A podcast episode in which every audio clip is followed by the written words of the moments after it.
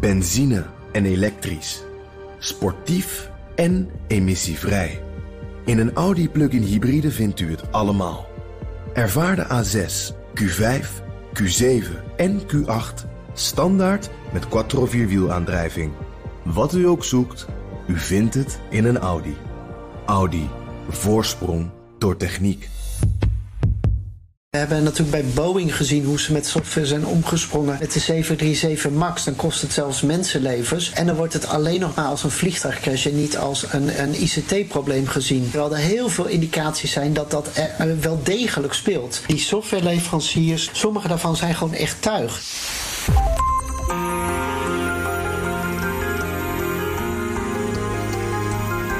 Je luistert naar De Stratege, een podcast van BNR in samenwerking met het Den Haag Centrum voor Strategische Studies. Mijn naam is Paul van Liemt. We see cybercrime and the use of vulnerable people. Criminals abuse really the pandemic situation. Cybersecurity threats from nation states such as China, Russia, North Korea, and Iran, as well as cyber threats from criminal organizations and terrorist groups. Dat bedrijven en overheden eigenlijk te weinig bewust zijn van de risico's die cyber met zich meebrengt. Cybersecurity is national security. Kans is groot dat je tijdens de coronacrisis heel veel achter je computer hebt gezeten en veel meer digitaal hebt gedaan dan normaal. For a business that can allow more employees to telecommute, we want you to do that. Maar ook buiten coronatijd zijn we natuurlijk ongelooflijk afhankelijk van onze digitale infrastructuur. Wat nu als het allemaal in één klap weg zou vallen? Wat moeten we dan nog? Grote storing bij KPN en daardoor lag ook 112 er maar liefst ruim drie uren uit. En in de communicatie daarna ging er ook van alles mis. Toch is dat precies waar onze nationale coördinator terrorismebestrijding voor waarschuwt. Maatschappelijke ontwrichting door een cyberaanval. Onze systemen zijn steeds meer aan elkaar afhankelijk. Echte digitale incidenten kunnen bijna onze hele samenleving verlammen. En daarover ga ik het hebben in deze aflevering van De Strateeg. Met mijn gasten Jaya Balou, Chief Information Security Officer van Avast. En Brenno de Winter, expert op informatiebeveiliging en privacygebied.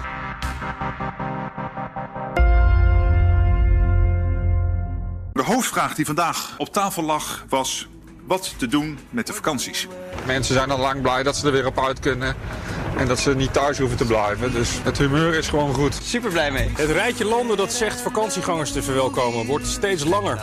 De caravan kan worden ondergebonden. We mogen dus weer op vakantie. Everybody has a summer holiday. Jaya, jij hebt zelfs al een behoorlijke reis achter de rug. Hier naar Amsterdam naar de studio gekomen vanuit Domburg. Vanuit Domburg, vanuit vakantie. Ja. Ja.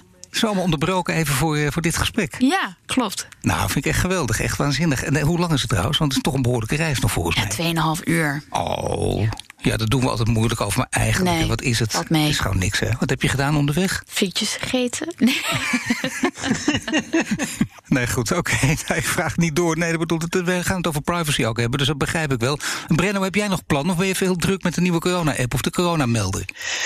Ik ben heel druk met de coronamelder, maar uh, de plannen is wel, uh, zijn wel dat ik met mijn vrouw naar uh, Lyon ga als het een beetje mee zit.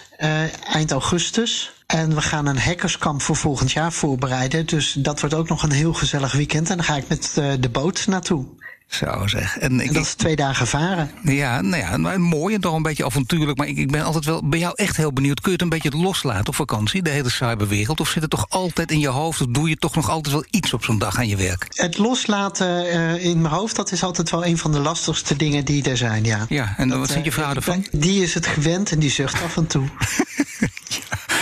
ja. Jaya, je bent de Chief Information Security Officer bij uh, CISO, is het, hè? Bij, bij Avast Software. Kun je, kun je het kort uitleggen wat dat precies inhoudt? Ja, ik ben gewoon de baas van alle cybersecurity dingen die daar moet gebeuren. Voornamelijk voor die interne dingen. Maar omdat het een softwarebedrijf is, mag ik ook dingen ook doen met threat intelligence en research. En ook de daadwerkelijke producten die we uitbrengen. En Brenno, jou kennen we natuurlijk als de privacy- en uh, ICT-deskundige. Ja, misschien toch nog iets aan toevoegen? Nou ja, momenteel natuurlijk heel druk bezig met coronamelder. En zorgen dat dat een, uh, een app is waar echt niks met de persoonsgegevens anders gebeurt dan mensen een waarschuwing geven. En zorgen dat daar ja, zoveel mogelijk is gecheckt. Dat alle risico's zeg maar, terug zijn gebracht tot een absoluut minimum. Ik wil het vandaag met jullie hebben over hoe Nederland ervoor staat op het gebied van cybersecurity. Want onlangs kwam het jaarlijkse cybersecurity-beeld van de Nationaal Coördinator Terrorismebestrijding en Veiligheid uit. En van wat daarin staat, daar word je niet echt heel vrolijk van. Dat dan het hele overheidsapparaat plat kan komen te liggen. Ja, niet alleen het overheidsapparaat, ook wij als burgers. Als je niet meer thuis kunt werken, als het thuisonderwijs niet meer kan, of als gezondheidszorg niet aan elkaar meer hangt, onze systemen zijn steeds meer aan elkaar afhankelijk. Waar we vroeger nog dachten, we hebben één systeemtje voor energie, we hebben één systeemtje voor telecommunicatie, hangt nu alles aan elkaar. Dus uitval en dreiging raakt ons veel sneller als gehele samenleving. En vandaar ook zeggen we, ja, echte digitale incidenten kunnen bijna onze hele samenleving verlammen. Zo, dat is een stevige quote in, in, in een paar seconden van Nationaal Coördinator Terrorismebestrijding en Veiligheid, Pieter Jaap Aandelsberg. Klinkt heel onheilspellend, uh, Jaya, of niet? Of dacht je van, nou ja. Nee, weet je, dit is de zoveelste jaar dat de Cybersecurity Beeld Nederland uitkomt. En eigenlijk wat je ziet is dus gewoon uh, in mate van opvoerend angst en een beetje onzekerheid over hoe wij onszelf moeten beschermen tegen de dreiging. Dus een beetje net zoals niet... we heel bang werden gemaakt voor corona, dat we echt nou, anders nee, houden ons nee, niet aan die anderhalve meter. Ik denk dat er een terechte zorg is. Maar het is niet uh, al die dingen wat we nu zien uh, in de CSPN, um, die zijn gewoon erg, maar het is niet nieuw. En sowieso het praten over weerbaarheid, is ook niet nieuw. We weten dit al langer, dat we weinig kunnen echt voorkomen. Maar je beste kans ligt in het detectie en dan een adequate respons daarvoor op voorbereiden. Maar ja, Brenno, eh, toch klinkt het wel onheilspellend, hè? Vooral eh, dat laatste stukje. Het kan ontwrichtend zijn. Of zeg jij net als jij van, nou ja, goed, het hoort er een beetje bij dat hij dit zegt? Nee, dat, maar dat zegt jij ook niet. Het, is, het, het beeld is er al langer. En heel langzaam zie je dat de overheid wakker wordt dat deze gevolgen zo zijn. En ik denk dat bijvoorbeeld de storing van 112 vorig jaar... dat ook wel pijnlijk en duidelijk heeft gemaakt...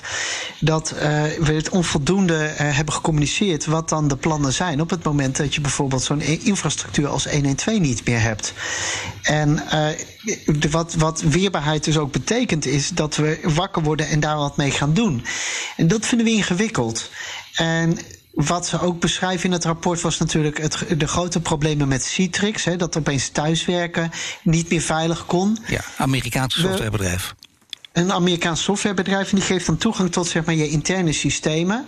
Dus we zien heel langzaam dat, oké, als het fout gaat, software kopieer je, dat gebruik je op een heleboel locaties, dan is het al heel snel een groot incident.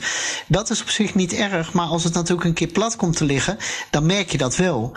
En uh, eigenlijk kom ik nauwelijks bij bedrijven die wel eens om zich heen kijken en denken van ja, als we vandaag hè, we geen computer meer zouden hebben, wat ligt er dan allemaal plat? Wat kunnen we dan niet meer? En dat zou je eigenlijk gewoon wel eens moeten doen. En ik denk dat die oproep van als alles fout gaat, hè, want dat is natuurlijk wat een NCTV ook moet doen. Hè? Ja. Als alles nou fout gaat, hoe ziet dan de wereld eruit? Uh, dat, dat die wel terecht is. En uh, zij moeten dat denk ik ook wel met een, ja. bepaald, uh, een bepaalde ernst brengen.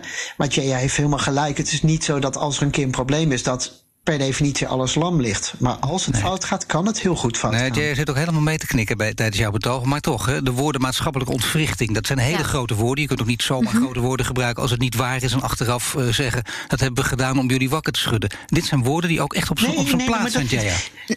Uh, ja, nou, waar het om gaat is, stel je voor, we hebben gewoon bepaalde evenementen als dingen gebeuren. Uh, en die, wat is maatschappelijk ontwrichtend? Stel je voor, we hebben een aantal jaar geleden mee te maken gehad met DDoS'en op de banken. Nou, als je drie dagen niet kan pinnen in Nederland en niemand kan bij zijn, zijn geld, en weet ik wel dat, de, dat je niet kan pinnen bij de Albert Heijn, dan hebben we ten sprake mogelijk over maatschappelijke ontwrichting. Dus het zijn uh, crisissen, en DDoS is gewoon een cybersecurity event, maar als het dan dusdanig heftig speelt op een deel van ons leven waar we altijd uh, van uitgaan, dat gaat het altijd doen, dan hebben we een probleem op het moment dat er een, een cybersecurity evenement iets veroorzaakt wat een keteneffect heeft door de rest van onze samenleving. Want het gaat over uh, energie hebben we weinig over. Maar alles gaat plat, ja. zeg maar, als we geen energie hebben.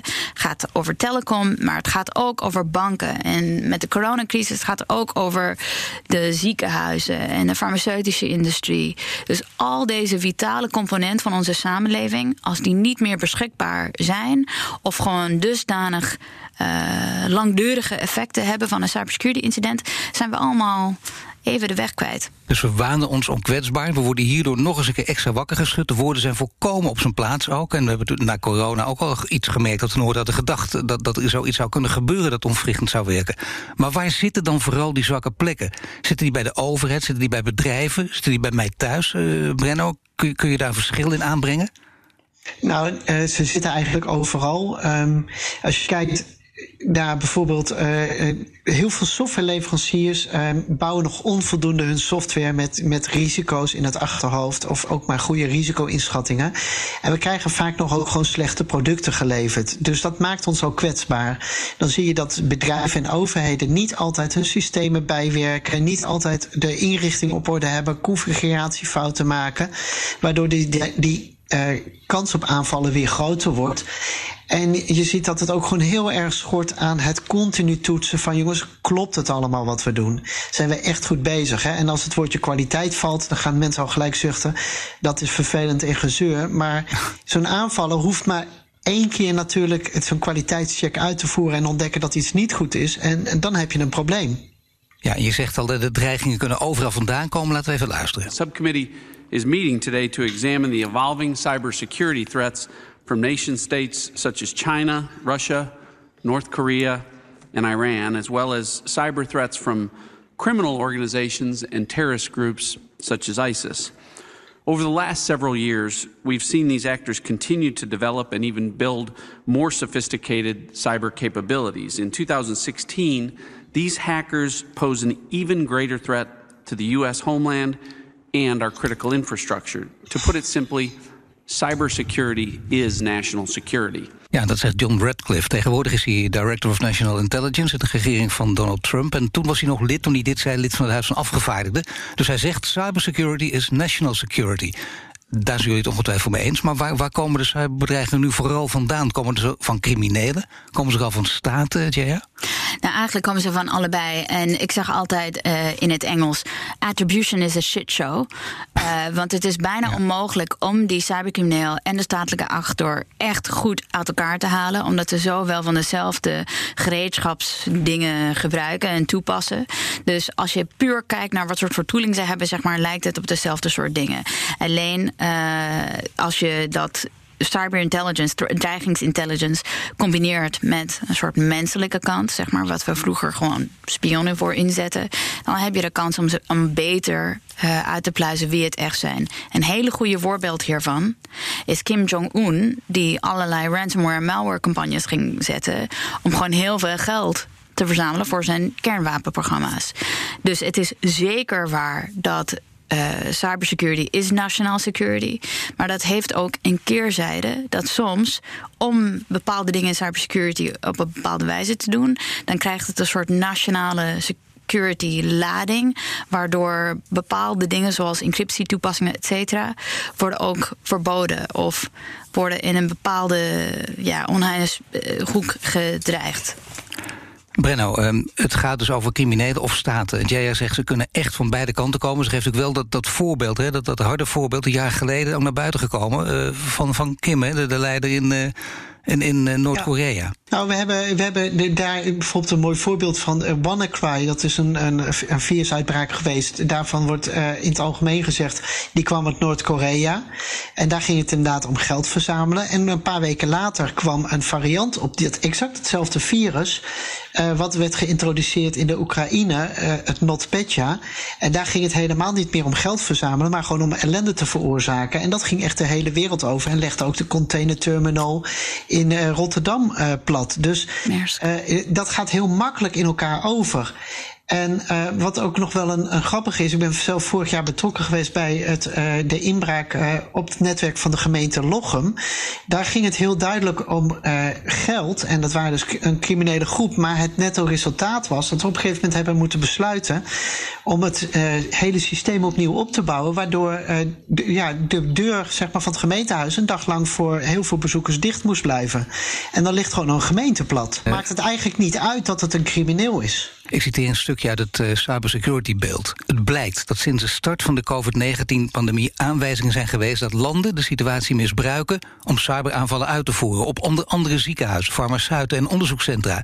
Daarom heeft het kabinet via spoedwetgeving het Nationaal Cybersecurity Centrum de taak gegeven deze organisaties bij digitale dreigingen en incidenten bijstand te verlenen tijdens de pandemie. Is er dus iets dat typisch speelt tijdens de coronapandemie of bestond het risico gewoon al veel eerder, Jaya? De risico bestond al eerder, maar een van die eerste ziekenhuizen die aangevallen was, was de ziekenhuis in Brno in Tsjechië. En mijn bedrijf is toevallig waar ik nu werk, is een Tsjechisch bedrijf. En wij hebben daar uh, natuurlijk gratis hulp aan verleend, omdat het nu speelde.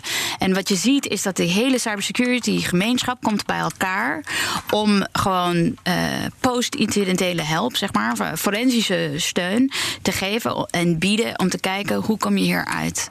En dat is een gevaar die al eerder ontstond. Het was een mechanisme die ook eerder uh, had klaargezet kunnen worden. Maar tijdens deze crisis is het naar voren gekomen omdat iedereen wil kijken hoe ze elkaar kunnen helpen om ten eerste informatie te delen omdat dat is eigenlijk de grootste ding die ontbrak. We hebben dezelfde soort aanvallen in meerdere plekken gezien. Dus het meest belangrijke ding is eerst informatie delen en dan vervolgens steun bieden aan de bedrijven die daadwerkelijk slachtoffer zijn.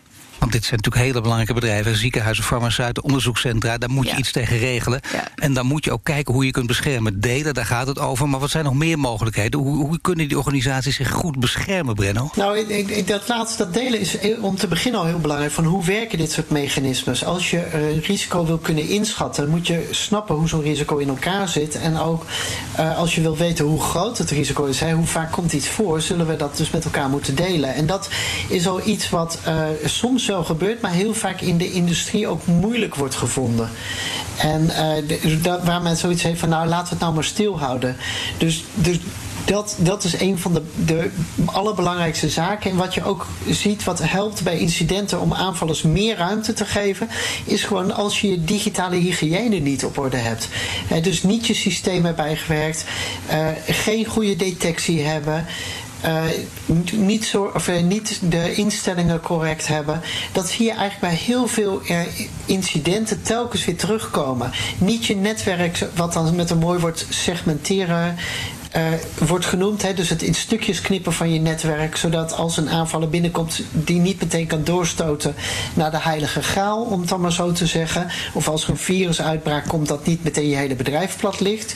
Dat soort hele basale dingen, die zie ik eigenlijk heel vaak bij incidenten toch weer niet op orde zijn. En wat dan uh, ja, ook opvalt, is dat er slechte controle is. Dus dan denkt men van ja, het is veilig.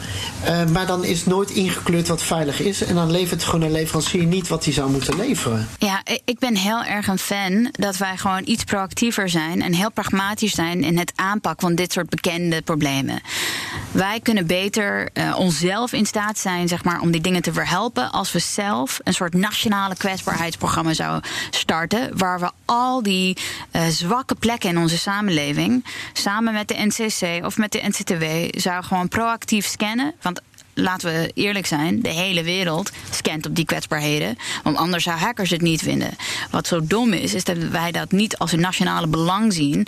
En dan gewoon heel simpelweg. Want er staat ook in een rapport dat er problemen zijn bij de Rijksoverheid. Nou ja, ja. dan denk ja. ik, laten we gewoon heel nuchter zijn. En dan een programma opstarten waar we vitaal duidelijk uh, met zijn prioriteiten gewoon scant en dan oplost. En in plaats van wachten tot er weer een kalf verdrinkt, gewoon proactief beginnen. Ja, ja Brenno, nou, dat misschien nog wel een, een, bijzondere is, we hebben in Nederland een stichting, Stichting DIVD. En uh, mm -hmm. die scannen inderdaad op zwakheden. Uh, van, van dingen die echt groot zijn. En dan vinden ze soms een lijst zeg maar, van organisaties die kwetsbaar zijn. En uh, dan zegt dus het National Cyber Security Centrum: ja, het valt niet onder onze wettelijke taak. En dan helpen ze gewoon niet. Dus uh, eigenlijk krijg je dan kant-en-klaar op een presenteerblaadje de kwetsbaarheden aangeleverd. En dan, dan zegt zeg maar, dat, dat security centrum van ja, maar wij mogen er niks mee. En ja, dan zijn we uitgekletst. Uh, en zij kunnen vrij makkelijk achterhalen vaak wie daarachter zit, dus wie de potentiële slachtoffers zijn. En dat soort stappen naar voren, daar zouden we wat in, minder ingewikkeld over moeten doen. En dan wordt er gezegd ja, want een internetadres, uh, dat zou particulier kunnen zijn en dan is het een persoonsgegeven. En dan hebben we het echt over grootzakelijke software, waarbij het gewoon niet waarschijnlijk is dat daar de particulieren een rol in spelen. Okay, ja, ja. Dat soort uh, ja, ding moeten we gewoon slechten. Daar moeten we gewoon niet zo ingewikkeld over doen. Ja, ik ben gewoon een fan van de NCC. Uh, maar ze hebben inderdaad een hele duidelijke takenpakket. En dat is Rijksoverheid en Vitaal. Daar zijn ze van. En ik denk dat we maken het niet altijd makkelijk voor onszelf... met de, de verschillende ja, organisaties. Ik, ik, wil het niet verzuiling noemen. Maar het is wel zo dat we hebben voor alles een andere instantie. Um, en het zou misschien een idee zijn... dat we zouden die instanties beter bij elkaar moeten laten komen. En wat ik ook eerder uh, met de overheid uh, in gesprekken hebben gehad, is over een landelijke dekkend stelsel. Waar je alles zeg maar, van bent. Net zoals bijvoorbeeld de Engelse model. Waar maar wat, het allemaal wat bij elkaar Wat weerhoudt de overheid als je die gesprekken hebt? Want het ligt zo voor de hand, zou je zeggen. Nou, uh, ja, uh, maar weet je, wij hebben uh, een best grote taak als cybersecurity mensen in Nederland. En wat we hebben gedaan is, we hebben dat gesplitst. Dus voor MKB en kleinzakelijk ja. en alles wat niet vitaal is, dan hebben we de Digital Trust Center. Dat is nou, eenmaal ontstaan. ik moet zeggen dat ik, ik denk dat het beste voor Nederland is die twee organisaties toch iets dichterbij uh, elkaar zetten. En liefst gewoon één organisatie, één plek die van cybersecurity is voor heel Nederland. En niet al de aparte plekken. Dat is de eerste principe. Uh, maar dat heb ik. En dan denk ik dat we moeten het ook niet moeilijk maken voor dat organisatie. Om ten eerste die problemen te kunnen opsporen. En dan ten tweede te kunnen helpen. Als we dat echt willen, dan moeten, we, moeten wij hun in staat stellen om dat te doen. En niet zeggen: ja, je mag niet beschikken over persoonsgegevens. Ik vind dat een beetje bullshit verhaal. Ja, nee, dat is duidelijke taal. Nou ja, ja ik denk dat het, dat het, grote probleem in Nederland is dat Digital Trust Center valt onder het ministerie van Economische Zaken. Het National Cybersecurity Centrum dat valt onder uh, Justitie en Veiligheid. Uh, ja. ZCERT voor de zorg valt onder het ministerie van Volksgezondheid, Welzijn en Sport. En zo kan ik nog wel even doorgaan. He, ze hebben dus alles zeg maar per ministerie zo'n beetje uit elkaar getrokken. En sommige dingen zijn een stichting. En nou goed, dat is allemaal een best een puinhoop. Als je kijkt naar hoe bijvoorbeeld in België of in Israël, daar is gewoon gezegd: um, cybersecurity is chefzagger, dus dat hoort thuis op algemene zaken. Daar gaat de premier over. Daar onderbouw ik een centrum en dan kun je vervolgens per doelgroep anders communiceren. Maar zeg maar het intelligence gedeelte en de maatregelen, het handelingsperspectief, dat doen we dan op één punt. En dat is een, een politiek, uh, politieke keuze om gewoon te zeggen: wij vinden dit belangrijk genoeg om hier nou eens een punt van te gaan gaan maken. En dan zou de volgende stap ook zijn dat Nederland eh, toch zich wat beter ook gaat profileren op Europees niveau. En beter gaat meedoen met eh, het Europees Agentschap voor Cybersecurity, ENISA. En daar zijn wij toch een beetje halfslachtig in. En wat mij betreft zou dat met wat meer liefde en passie mogen. Nou, dat is jij uit het hart gegrepen volgens mij. Ja, zeker. Kijk, ik denk uh, nogmaals, ik denk dat wat wij doen met de middelen en de mensen die wij hebben, is waanzinnig goed. Vergeleken met de hoop andere landen. Maar het kan beter. En het kan beter als we de NCC in staat stelt om dat takenpakket gewoon goed in te vullen. Uh, zo, en ze weten het echt. En ook voor een klein land met waar we altijd over klagen dat er niet voldoende mensen zijn om dit uh, ja, uh, gereed te redden. Dan denk ik dat het gewoon slim is om dingen bij elkaar te zetten.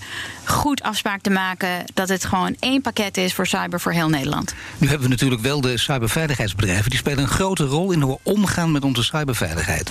What are you doing? I'm gonna watch this crazy video my buddy sent me. Please tell me you're using a fast. And that's it. I've locked up all your files, videos, financial documents, and now I'm holding them hostage. No, I have a presentation tomorrow, and I haven't backed up my photos in months. Nou, reclamefilmpjes. Stranger Things are happening without Avast Free Antivirus. Stranger Things verwijst naar de populaire Netflix-serie. Dus gevoel voor drama bij Avast, uh, Jaya. Dat is de marketingteam. nee, ik vind drama vreselijk. Nee, maar waar, waar het om gaat is... Uh, Avast probeert natuurlijk dit soort oplossingen als antivirusbedrijf uh, te zetten. En het is begonnen als freemium uh, product, zeg maar, waar, waar het betekent dat je krijgt gewoon het product gratis. En je kan het ook afnemen als abonnement met additionele features, bla bla bla. Maar de kern van het ding is dat uh, de mensen kunnen het gewoon op hun laptop zetten en het wordt niet uh, gemaakt dat, het, dat je moet betalen. Ik heb het op die laptop van mijn kinderen ooit gezet, een paar jaar geleden, voordat ik ooit kwam werken. En het werkte gewoon. En ja, kijk, en ik, ik denk dat. Uh, het bedrijf is begonnen door hippies. En die hebben zeker gevoel voor drama. Dus. Zo. Dus jij bent geen hippie? Ik ben, ja, nee, I wish I was hippie. Welke rol speelt, speelt een bedrijf als, als, als dat van jullie in zaken die in het cybersecurity beeld worden genoemd? Zitten jullie ook aan een tafel met, met de NCTV bijvoorbeeld om over dit soort zaken mee te denken en mee te praten? Uh, niet ja, kijk, ik ben nu uh, als CISO van de Vaas gewoon voornamelijk met de Vaas bezig. Maar ik ben wel in de uh, NCC Adviesraad. Um, dus om gewoon advies te geven aan NCC met andere CISO's en andere cybersecurity experts. dat is de enige formele rol, zeg maar, in Nederland. Voor de rest zijn we gewoon een cybersecurity bedrijf die antivirus koopt en een aantal andere cybersecurity oplossingen in de markt zet. Vind je niet dat dit, die banden sterker moeten worden aangehaald? Met andere woorden, moeten bedrijven er meer bij betrokken worden, omdat daar de uiteindelijke kennis zit? Ja, ik denk dat ik daar wel toch wil oppassen. Kijk, uh, de kennis moet ook in de overheid zitten. En het is er ook echt. We hebben gewoon een groep experts bij de IVD, bij de MIVD, bij de NCSC. En wat ik liefste heb voor Nederland, voor de samenleving, is dat die expertise blijft waar het is. En ik denk niet dat je moet die een mengen met de ander, heel eerlijk gezegd. Want we hebben gewoon één gemeenschappelijke vijver. Iedereen vist qua zelfde mensen. Iedereen werkt in allerlei verschillende eenheden. En dat is prima zo. Daar heb ik. Uh, ja, geen moeite mee. Zolang als de overheid kan blijven de expertise aantrekken, dan denk ik dat het zo goed gaat. Jullie worden zelf ook uh, kritisch gevolgd, natuurlijk, uh, bij AFAST. Hè. Ondanks een beschuldiging dat jullie meer gegevens van gebruikers verzamelen dan nodig is. In maart moest er een deel van de, van de virusscanner worden uitgeschakeld, omdat die niet veilig zou zijn. Hoe ga je daar dan mee om? Want hè, je wil juist als bedrijf ja. dat je daarvan gevrijwaard bent van dit soort kritiek. Ja, het is uh, not our finest moment, zeg maar. Dat was niet. Ik kwam binnen in oktober, in het midden van een, een cyberaanval. En daarna hadden we deze privacycrisis bij een bedrijf. Een van de bedrijven van Avast, Jumpshot, uh, die had het probleem. En uh, de CEO, die heeft dan dat bedrijf, wat eigenlijk uh, op een soort armslengte was, heeft hij dan helemaal gestopt. De bedrijfsvoering en alle mensen zijn ontslaan. Het is gewoon iets wat eigenlijk had nooit moeten bestaan. In de zin van dat het te ver van de purpose van Avast stond. Maar is het effect niet dat, dat dit soort zaken natuurlijk wel het vertrouwen in bedrijven die zich juist bezighouden met cybersecurity ja. ondergraven? Ja, eens. En ik, ik, even, ik ga het niet mooier maken dan het is. Het was iets wat uh, toen door de CEO ontdekt was. Toen hij wist wat er daadwerkelijk gaande was en hoe ver het stond van onze missie en onze koers. Dan heeft hij gezegd: Nou, dit gaan we gewoon niet meer doen. Ik vond dat wel sterk. Uh, en ik sta erachter dat we zo'n keuze hebben gemaakt. Het is niet makkelijk als het gaat over mensen. Um, maar kijk, nogmaals, je kan geen privacyproblemen permitteren als securitybedrijf. Je raakt gewoon je vertrouwen kwijt. En ik denk dat als je zoiets ziet, dan de enige ding wat je kan doen is meteen handelen. Ja, mooi dat je dit ook zo zegt, het totaal niet omheen draait. Brenner, hoe kijk je hiernaar? Neem je nu alsnog aanvast als je dit hoort? Of heb je het misschien al? Of speelt dit gewoon, zeg je, bij alle bedrijven in de sector? Kan elk bedrijf dit overkomen? Nou ja, elk bedrijf kan het overkomen. Dat is altijd zo'n hele sterke uitspraak. Maar de, het stapje dat je een keer wat fout doet. Uh, of dat je inderdaad een, een, bedrijf onder je hebt waar wat fout gaat. Dat is gewoon heel groot. Of dat je een keer toch wat over het hoofd ziet. Uh, dat hoort ook bij, bij weerbaarheid, denk ik. Dat je gewoon zegt van inderdaad, het zal vroeg laat wel een keer fout gaan. En dan maakt het inderdaad wel heel erg uit hoe je ermee omspringt. En we kennen natuurlijk zat voorbeelden van bedrijven die dan opeens gaan duiken. Uh, of ontkennen of gewoon helemaal niet meer reageren. dat doet Jaya niet, hè? Dat is meteen duidelijk. Zo moet je reageren. Dan weet je meteen wat er aan de hand is. Dan geef je die fout ook toe. En uh, het was geen stelling, hè? Het is natuurlijk een vraag. Gebeurt dit, kan dit bij bedrijven gebeuren? Dus die relativering, vind je, zit er wel degelijk in? ja, dit kan absolu absoluut. en je kunt op een gegeven moment, je moet ook dat door de loop der tijd zijn wij privacy kritischer geworden. Hè. Er is die AVG, die wetgeving gekomen. Dus er zijn dingen die nu niet meer kunnen. Die een aantal jaren geleden was dat helemaal niet op onze radar. En als organisaties groter groeien, dan zie je gewoon dat ze wel vaker wat missen. Of niet met altijd even goed weer uh, blijven kijken. Dus dat je en kijk van ben ik nog wel op de goede weg? Klopt het allemaal wat ik doe? Uh, dus als dat een keer uh, gebeurt, niet gebeurt, ja, dan kun je dat missen. En dan krijg je een keer erop dat je wel aan het kijken bent, dat je dus doorkijkt van hé, hey, dit gaat niet goed. En dan heb je ook meteen een probleem. Dus het, het, is, het is wel heel makkelijk om alleen maar te zeggen van nou, ze hebben het niet goed gedaan. En um, dit gebeurt gewoon in grotere organisaties. En dat heeft. Uh, nogmaals, het gaat er dan wel om ook hoe je ermee omgaat. En ermee omgaat bedoel jij? Uh, geef ruiterlijk nou ja, toe nou, dat je een fout je hebt gemaakt en dat je vervolgens je, ook maatregelen neemt. Precies, dat laatste ook vooral. Hè? En dan ook gewoon echt mee stopt. En we kennen natuurlijk allemaal het voorbeeld van Facebook, die iedere keer weer beterschap belooft en het dan niet doet. En elke keer blijft het hele journaal je vragen van, uh, uh, wordt het nu beter bij Facebook? Nee, want ze leren er duidelijk niet van. En een organisatie die dan een keer een fout maakt en daarna ervan heeft geleerd, dan moet het ook op een gegeven moment over zijn. Want alle organisaties maken vroeg of laat fouten. Ja, het lijken wel mensen wat dat betreft. We begonnen dit gesprek over Nederland en cyberveiligheid. Wil ik ook mee eindigen. Want wat moet er gebeuren om ons beter, echt nog beter dan we nu doen, te wapenen? Je hebt wel een paar voorzetten gegeven, Jay, maar wat kunnen we nog meer doen? Nou ja, ik, ik ben heilig van overtuigd dat we hebben al die ingrediënten, zeg maar, om het beste land van cyber te zijn in Europa. Dat hebben we allemaal. We hebben de goede mensen, we hebben de juiste hoeveelheid uh, awareness in, in de samenleving, dat dit echt belangrijk is. Nu denk ik dat het gewoon tijd is om die initiatieven bij elkaar te zetten. Zorgen ervoor dat we niet concurreren met onze eigen land, binnen onze eigen overheid. En dan gewoon heel pragmatisch stappen maken naar dat grotere doel. En niet proberen in één keer een soort Big Bang oplossing te bedenken. Of gewoon één zo'n cybercommissaris neer te zetten. Want die oplossingen zijn geen oplossingen. Het nee, toch niet. We hadden gewoon hier een tijdelijk geleden gesprek met uh, Bibi van der Berg en Wim Kuikers. Zij vonden dat heel erg belangrijk. Ze benadrukken dat voortdurend de cybercommissaris die de centrale regie in handen heeft. Ja. Maar dat vind je geen punt. Ja, ik heb liever een organisatie die je kan goed vertrouwen. Um, zoals de NCSC, nogmaals. Die daarvan is, die heeft de juiste expertise in handen. Ik denk alleen, geef ze een breder mandaat om die enige organisatie te zijn die alles verbindt voor cyber. Ja, vind jij dat ook, uh, Brenno? Of zeg je nou zo'n zo'n cybercommissaris? Dat spreekt me wel aan. Nee, het spreekt me helemaal niet aan. en uh, dat, dat gaat, want die moet dan opeens ook over alles gaan. Uh, En er zijn gewoon tegengestelde belangen. En uh, informatiebeveiliging en privacybescherming, dat is gewoon toch een hele aparte tak. Daar hoort gewoon expertise bij. Uh, dus daar, daar moet veel meer in worden geïnvesteerd. Wat ik net al zei voor organisaties. Begin dan met je basics. Begin met je risico-inschattingen. Dat, dat doet echt wonderen. Um, bijvoorbeeld verouderde software kom ik echt bij ieder incident waar ik bij betrokken word wel tegen. Het niet kennen van je eigen omgeving zie ik bij ieder incident. Zie ik toch weer, hé, hey, dat systeem hadden we toch uitgefaseerd en dan blijkt het er toch nog te zijn. Dus bij al dat soort dingen zie ik elke keer hetzelfde. Die structuur inderdaad veranderen in Nederland, dat zou echt helpen. En misschien ook dat we eens een beleid gaan maken waarbij we zeggen van, hè, bijvoorbeeld ook eens gaan nadenken over wat ze dan noemen cyber warfare. Dus mm -hmm. het elkaar aanvallen. Daar ga je leunen op elkaars zwakheden. En uh, eigenlijk zou natuurlijk het moeten zijn dat software zo betrouwbaar mogelijk is. En dat we helemaal niet gaan wedijveren of we niet ergens nog een geheimpje weten om iets uh, onderuit te halen of stuk te maken. Daar moeten we gewoon mee kappen. Weet je, dus of je doet, kiest voor cyber warfare en dan zullen we ook lekker blijven houden. Of we proberen de lekker maximaal te dichten. Maar daar is, daar, dat is een vrij absolute keuze. Ja, dat is inderdaad een, een, een letterlijk laat vrij maar weg. Echt een absolute keuze ook. Ben je mee eens, uh, jij? Ja, daar ben ik mee eens. Maar het is ook heel uh, ja, current event, zeg maar. Want nu heb je ook Blue Leaks. Ik weet niet als je dat hebt gemerkt. Het is een informatielekage van heel veel politieinformatie uh, op het internet. Nee? Oké.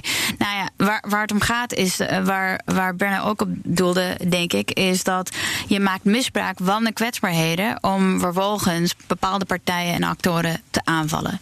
En als je die kwetsbaarheid informatie alleen voor jezelf houdt en niet deelt met de bedrijven die dan vervolgens gevolgen kunnen hebben als er kwetsbaarheid naar buiten komt, dan ben je dan verkeerd bezig. Nee, ook hier weer een beetje het oude denken om niet te delen. Daar gewoon in blijven hangen tot dat uiteindelijk Nou, gewoon tot de oplossing Dat is leidt. toch wel het kritiekpunt wat ik heb op het NCSC... is dat ik wel vind dat zij beter eh, kunnen delen, veel beter kunnen delen. En dat zij toch vaak ehm, het spelletje spelen... ik weet dingen die jij niet weet. En eh, dat helpt gewoon niet. Dus ik denk dat we dat gewoon met elkaar moeten gaan afleren. Ik snap, ik snap de primaire basale reactie... maar we moeten nu naar een hoger volwassenheidsniveau... en zeggen, ja, maar wij moeten dus wel delen. Dat is onze primaire focus. En er zijn natuurlijk altijd dingen die zo gevoelig zijn dat dat ingewikkeld is. Maar de basic, het basic uitgangspunt hoort te zijn. eh, We delen wel informatie, want dan worden de risico-inschattingen beter. Ja, en dat is precies waar het, over, waar het om gaat ook natuurlijk. We hadden het net al even over het beleid. We willen niet achterlopen. De, de, het cyberveiligheidsbeleid is om de hoede van, van minister Grapperhaus. Oproep van minister Grapperhaus aan die bedrijven om te werken aan cyberbewustzijn. En mocht dat niet voldoende zijn, dan kan hij ook ingrijpen met maatregelen, met boetes. En dat zei collega Thomas van Zijl. Goed idee van Grapperhaus? Tja? Ja, ik ben nooit zo'n fan als we boetes nodig hebben, zeg maar, om bewustwording te, te beginnen. Ik, ik weet het niet. Maar ik denk dat hij meer op doelde dat ze moeten gewoon hun zaakjes op orde houden. En kijk, ik heb in branches gewerkt waar dat toezichthouderrol met boetes geven en inspecties, et cetera. Dat staat er al helemaal in. Dus bepaalde sectoren, zoals de bankaire sector en de telecomsector, die hebben dat. eh, maar ik denk dat ze niet handelen voor de boete, ze handelen voor beveiliging. En dat is toch een andere blik op zaken. Als je echt meer zorgen maakt over je security in plaats van je compliance, ben je goed bezig.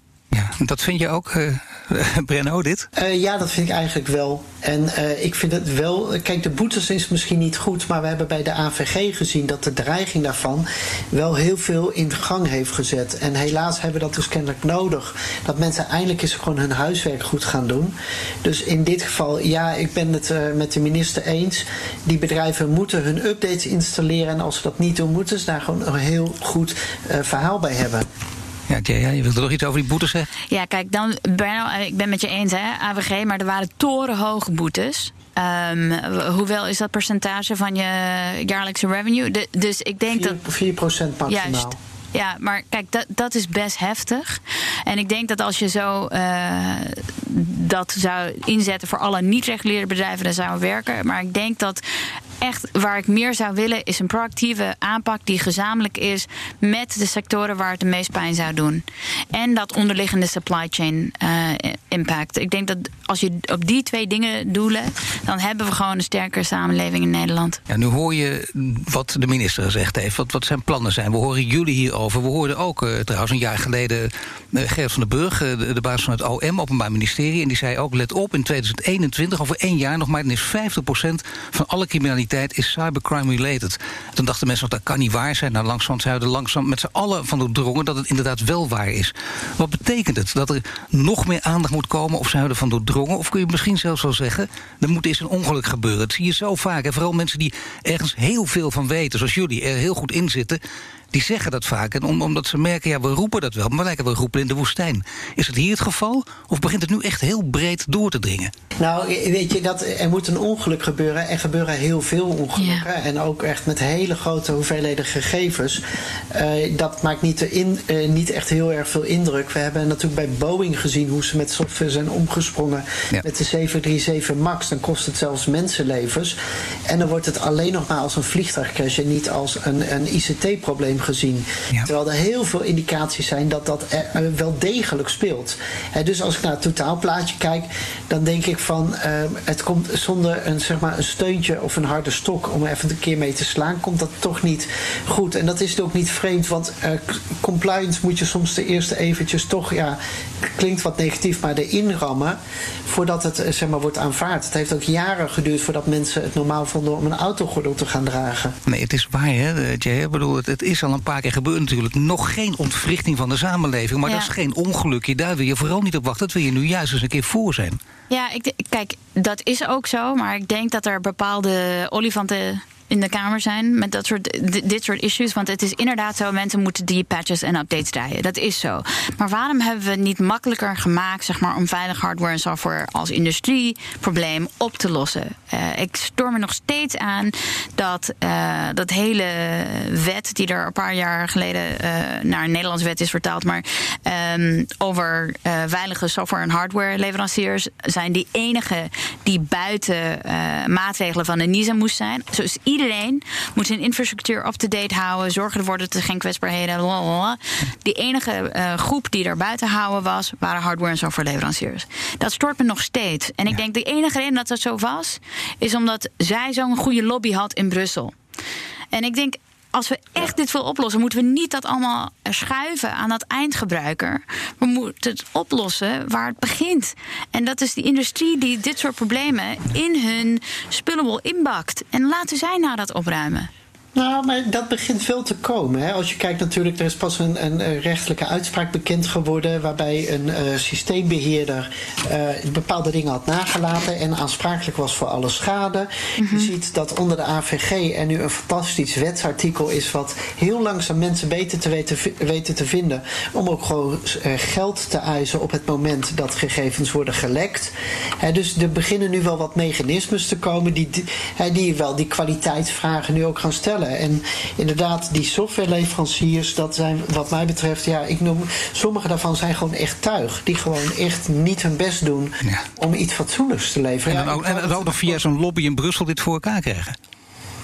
Nou ja, dat, dat is echt wel heel storend geweest, inderdaad. En, um, uh, en ook gewoon vertragend hebben gewerkt. Hè, want überhaupt, het heeft heel lang geduurd voordat het, dat het er kwam. En het wordt nu gewoon tijd dat we inderdaad die lat weer wat hoger gaan leggen. En uh, inderdaad, de steun voor ENISA moet, wat ik net ook al zei, in Europa moet vele malen groter. Zodat we als Europa ook veel meer een vuist kunnen maken. Want ja, als je als Nederland komt, who cares? Weet je, Nederland, waar lag dat ook alweer? Ja.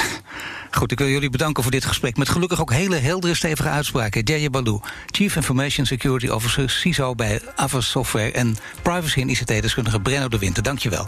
En luister vooral ook naar de andere afleveringen van De Strateeg. Bijvoorbeeld over de geopolitieke gevolgen van de coronacrisis... met Rob de Wijk en Martijn van Helvert. Tot de volgende keer. Benzine en elektrisch. Sportief en emissievrij. In een Audi plug-in hybride vindt u het allemaal. Ervaar de A6, Q5, Q7 en Q8 standaard met quattro vierwielaandrijving. Wat u ook zoekt, u vindt het in een Audi. Audi. Voorsprong door techniek.